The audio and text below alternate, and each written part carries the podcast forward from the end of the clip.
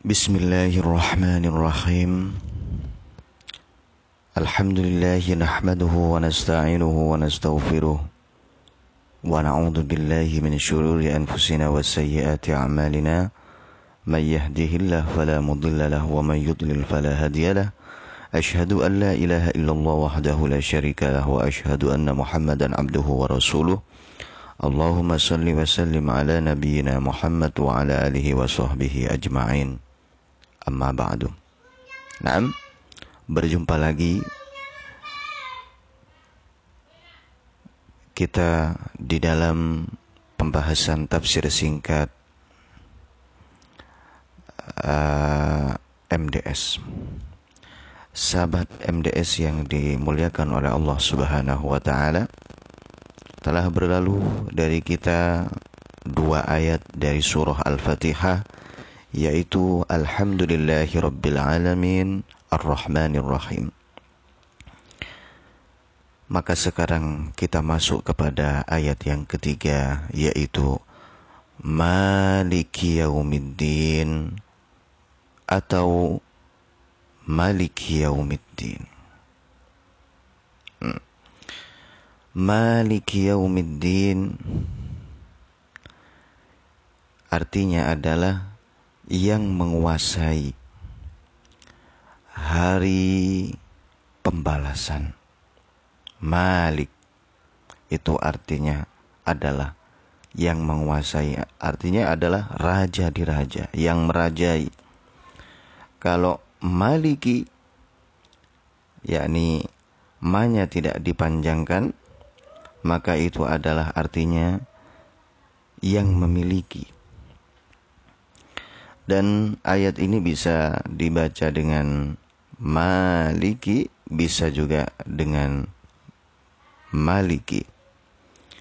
Dikarenakan sebagaimana dikatakan oleh Syekh Al-Utsaimin rahimahullah dalam kitab tafsirnya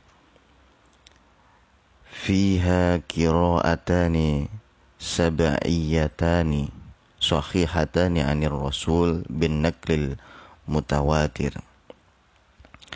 Nah, di dalam ayat ini terdapat dua cara membaca yang sahih dari Rasul Shallallahu Alaihi wa alihi Wasallam dengan penukilan yang mutawatir, yakni dengan riwayat yang lebih daripada tiga riwayat. Jadi sahih bisa dibaca dengan maliki, bisa dibaca dengan maliki. Arti untuk yang pertama adalah maliki itu adalah raja. Diraja, sedangkan yang kedua adalah maliki artinya adalah yang memiliki. Nah, kedua-duanya adalah sahih untuk Allah Subhanahu wa taala dan kedua-duanya boleh diamalkan, dibaca dan diamalkan. Namun sebagian ulama yang lebih setuju untuk membaca dengan panjang mereka mengatakan al-aula an naqra'a maliki yakni bil alif min ajli an naksiba ziyadata asyra hasanatin min al alif. Hmm. Yang lebih utama adalah kita membaca maliki yaitu dengan dipanjangkan. Dikarenakan di dalam memanjangkan ma terdapat di dalamnya satu tambahan huruf alif yang dengannya kita uh, berusaha untuk mendapatkan tambahan satu pahala yang mana lipatannya adalah sepuluh lipat kebaikan.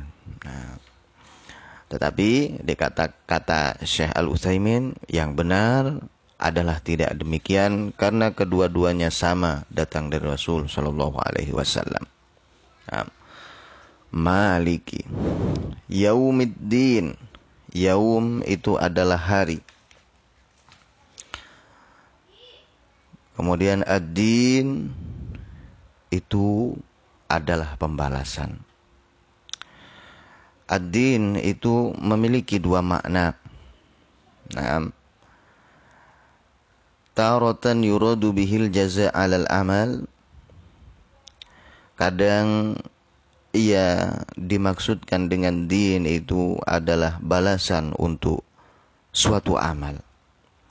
Sebagaimana firman Allah, "Wa ma adraka ya, kama yaumuddin" Summa ma adraka ma yaumuddin Yauma la tamliku nafsun li nafsin syai'a Dan tahukah kamu apa hari ad-din itu. Nah, kemudian tahukah kamu apa hari ad-din itu? Yaitu hari yang suatu jiwa tidak memiliki kuasa untuk dirinya sendiri. Artinya semuanya ada di tangan Allah. Nah, itulah hari pembalasan. Terkadang yuradu bihil amal dimaksudkan dengannya adalah amal itu sendiri. Sebagaimana firman Allah lakum dinukum waliyadin. Bagi kalian din kalian dan bagiku dinku. Artinya bagiku amalku dan bagi kalian amal kalian. Yakni kita tidak boleh saling mencontoh Islam amalnya harus muslim harus sesuai dengan aturan Islam. Orang kafir, non-muslim, Nasrani, Yahudi, ya biarkan mereka dengan amalan mereka. Dan orang Islam tidak boleh mencontoh amalan mereka. Nah, itu dinamakan din. Jadi din itu memiliki dua makna. Pertama adalah pembalasan, yang kedua adalah amal itu sendiri. Nah, sedangkan yang ada di dalam surah Al-Fatihah ini yang dimaksud adalah Malik Yaumiddin yang menguasai hari nah, pembalasan yang dimaksudkan yakni yang pertama ad-din yang pertama yaitu hari pembalasan bisa juga diitlakkan kepada makna yang kedua yaitu hari pembalasan kepada amal seorang hamba. Sebagaimana dalam sebuah ibadat yang masyhur, ungkapan yang masyhur dalam perkara ini, kama tadinu tudanu. Sebagaimana kalian beramal, maka demikian pula kalian akan dibalas oleh Allah Subhanahu wa taala. Nah, sehingga Maliki Yaumiddin itu sebagaimana dikatakan oleh Ibnul Qayyim rahimahullah di dalam kitab Madarikus Salikin Madarijus Salikin beliau mengatakan wa tadammanat itsbatal ma'ad bi a'malihim hasaniha wa sayyi'iha وتفرد الرب بالحكم إذ ذاك بين الخلائق وكون حكمه بالعدل. وكل هذا تحت قوله مالك يوم الدين. Dan Malik Yaumiddin ini terkandung di dalamnya ketetapan hari kembalinya manusia kepada Allah hari pembalasan amal-amal manusia, baik dan buruknya. Terdapat pula di dalamnya ketunggalan Allah Subhanahu wa Ta'ala pada hari itu terhadap sebuah penetapan di mana di sana Allah Subhanahu wa taala menetapkan nasib bagi setiap manusia dan keberadaan hukumnya yang mana hukum yang ditetapkan oleh Allah di dalamnya adalah hukum yang adil. Nah,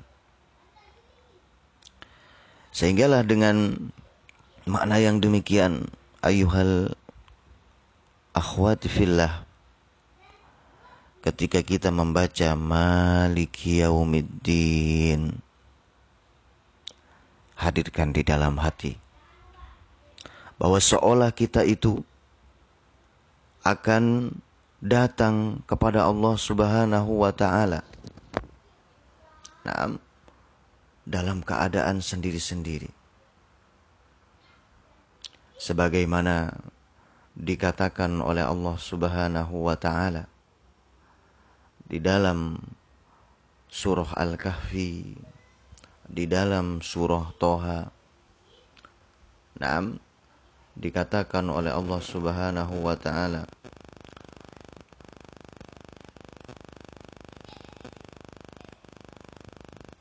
Wa in min syai'in illa atihi yaumal kiamati farda. Tidaklah ada sesuatu kecuali nanti akan datang kepada Allah Subhanahu wa taala dalam keadaan sendiri. Mungkin kita di dalam sholat dalam berjamaah. Mungkin ketika kita sholat kita berada di tengah-tengah keluarga kita. Akan tetapi hati kita menuju kepada Allah. Sendirian di hadapan Allah subhanahu wa ta'ala. Nah, di sana kita ingat bahwa kita akan dibalas pada hari kiamat. Dialah Allah maliki yaumiddin yang menguasai, yang merajai.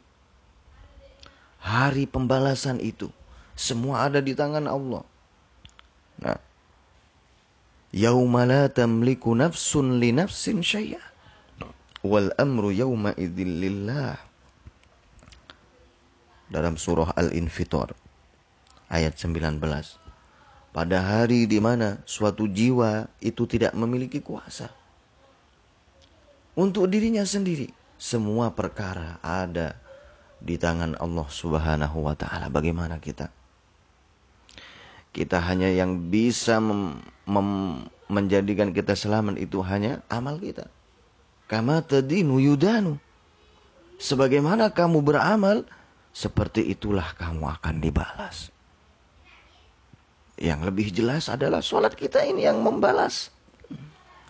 Waktu yang kita isi dengan kebaikan inilah yang akan menentukan keselamatan atau kecelakaan kita. Untuk itu, maka sesungguhnya, nah, sangat tidak pantas ketika seseorang itu sholat kemudian tergesa-gesa.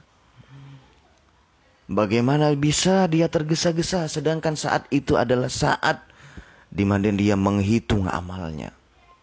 Nah, kata Umar bin Khattab, hasibu qabla an tuhasabu. Hitunglah amalmu sebelum amalmu itu dihitung oleh Allah Subhanahu wa taala. Nah, Nah kalau Allah subhanahu wa ta'ala sudah menghitung amal kita. Nah, maka kita tidak punya kesempatan untuk menghitung lagi. Tetapi ketika di dunia ini kita masih mampu untuk menghitungnya, mengurangi kezaliman kita, menambahi amal baik kita. Maka betapa agung ayat ini. Nah, maka betapa Allah sangat mengerti kebutuhan kita. Kenapa? Kemudian dia diwajibkan bagi kita untuk dibaca. Ya, sekurang-kurangnya 15 kali dalam sehari agar kita ingat bahwa akan ada hari pembalasan. Bahwa amal kita itu tidak hilang. Bahwa amal kita itu dicatat. Ma yalfidu min qawlin illa ladaihi raqibun atid Tidaklah seseorang itu mengucapkan satu kalimat pun kecuali di sisinya ada malaikat yang siap mencatat dan bukunya sudah disiapkan.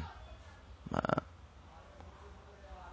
kata Allah Subhanahu wa taala, "Wa nad'ul mawazinal qista liyaumil qiyamati la tudlamu nafsun syai'a."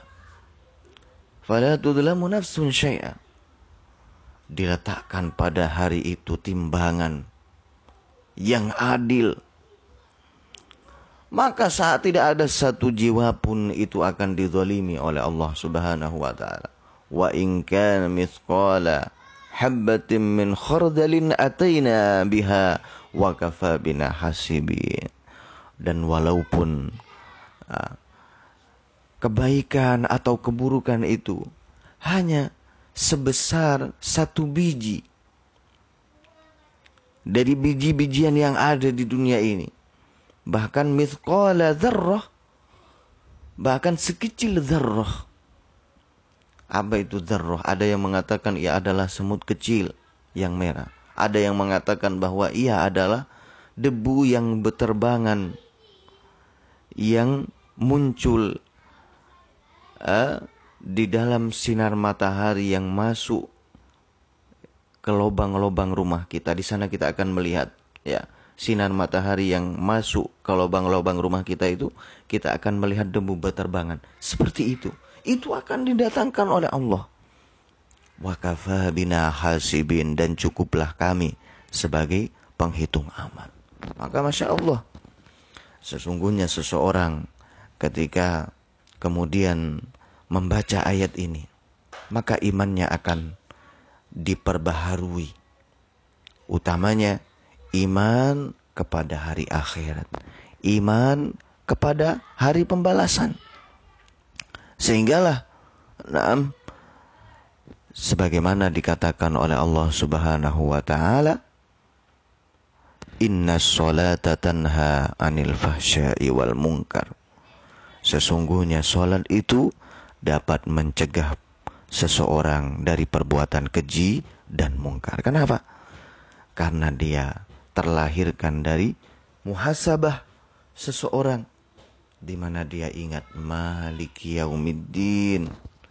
Dialah Allah yang menguasai hari pembalasan.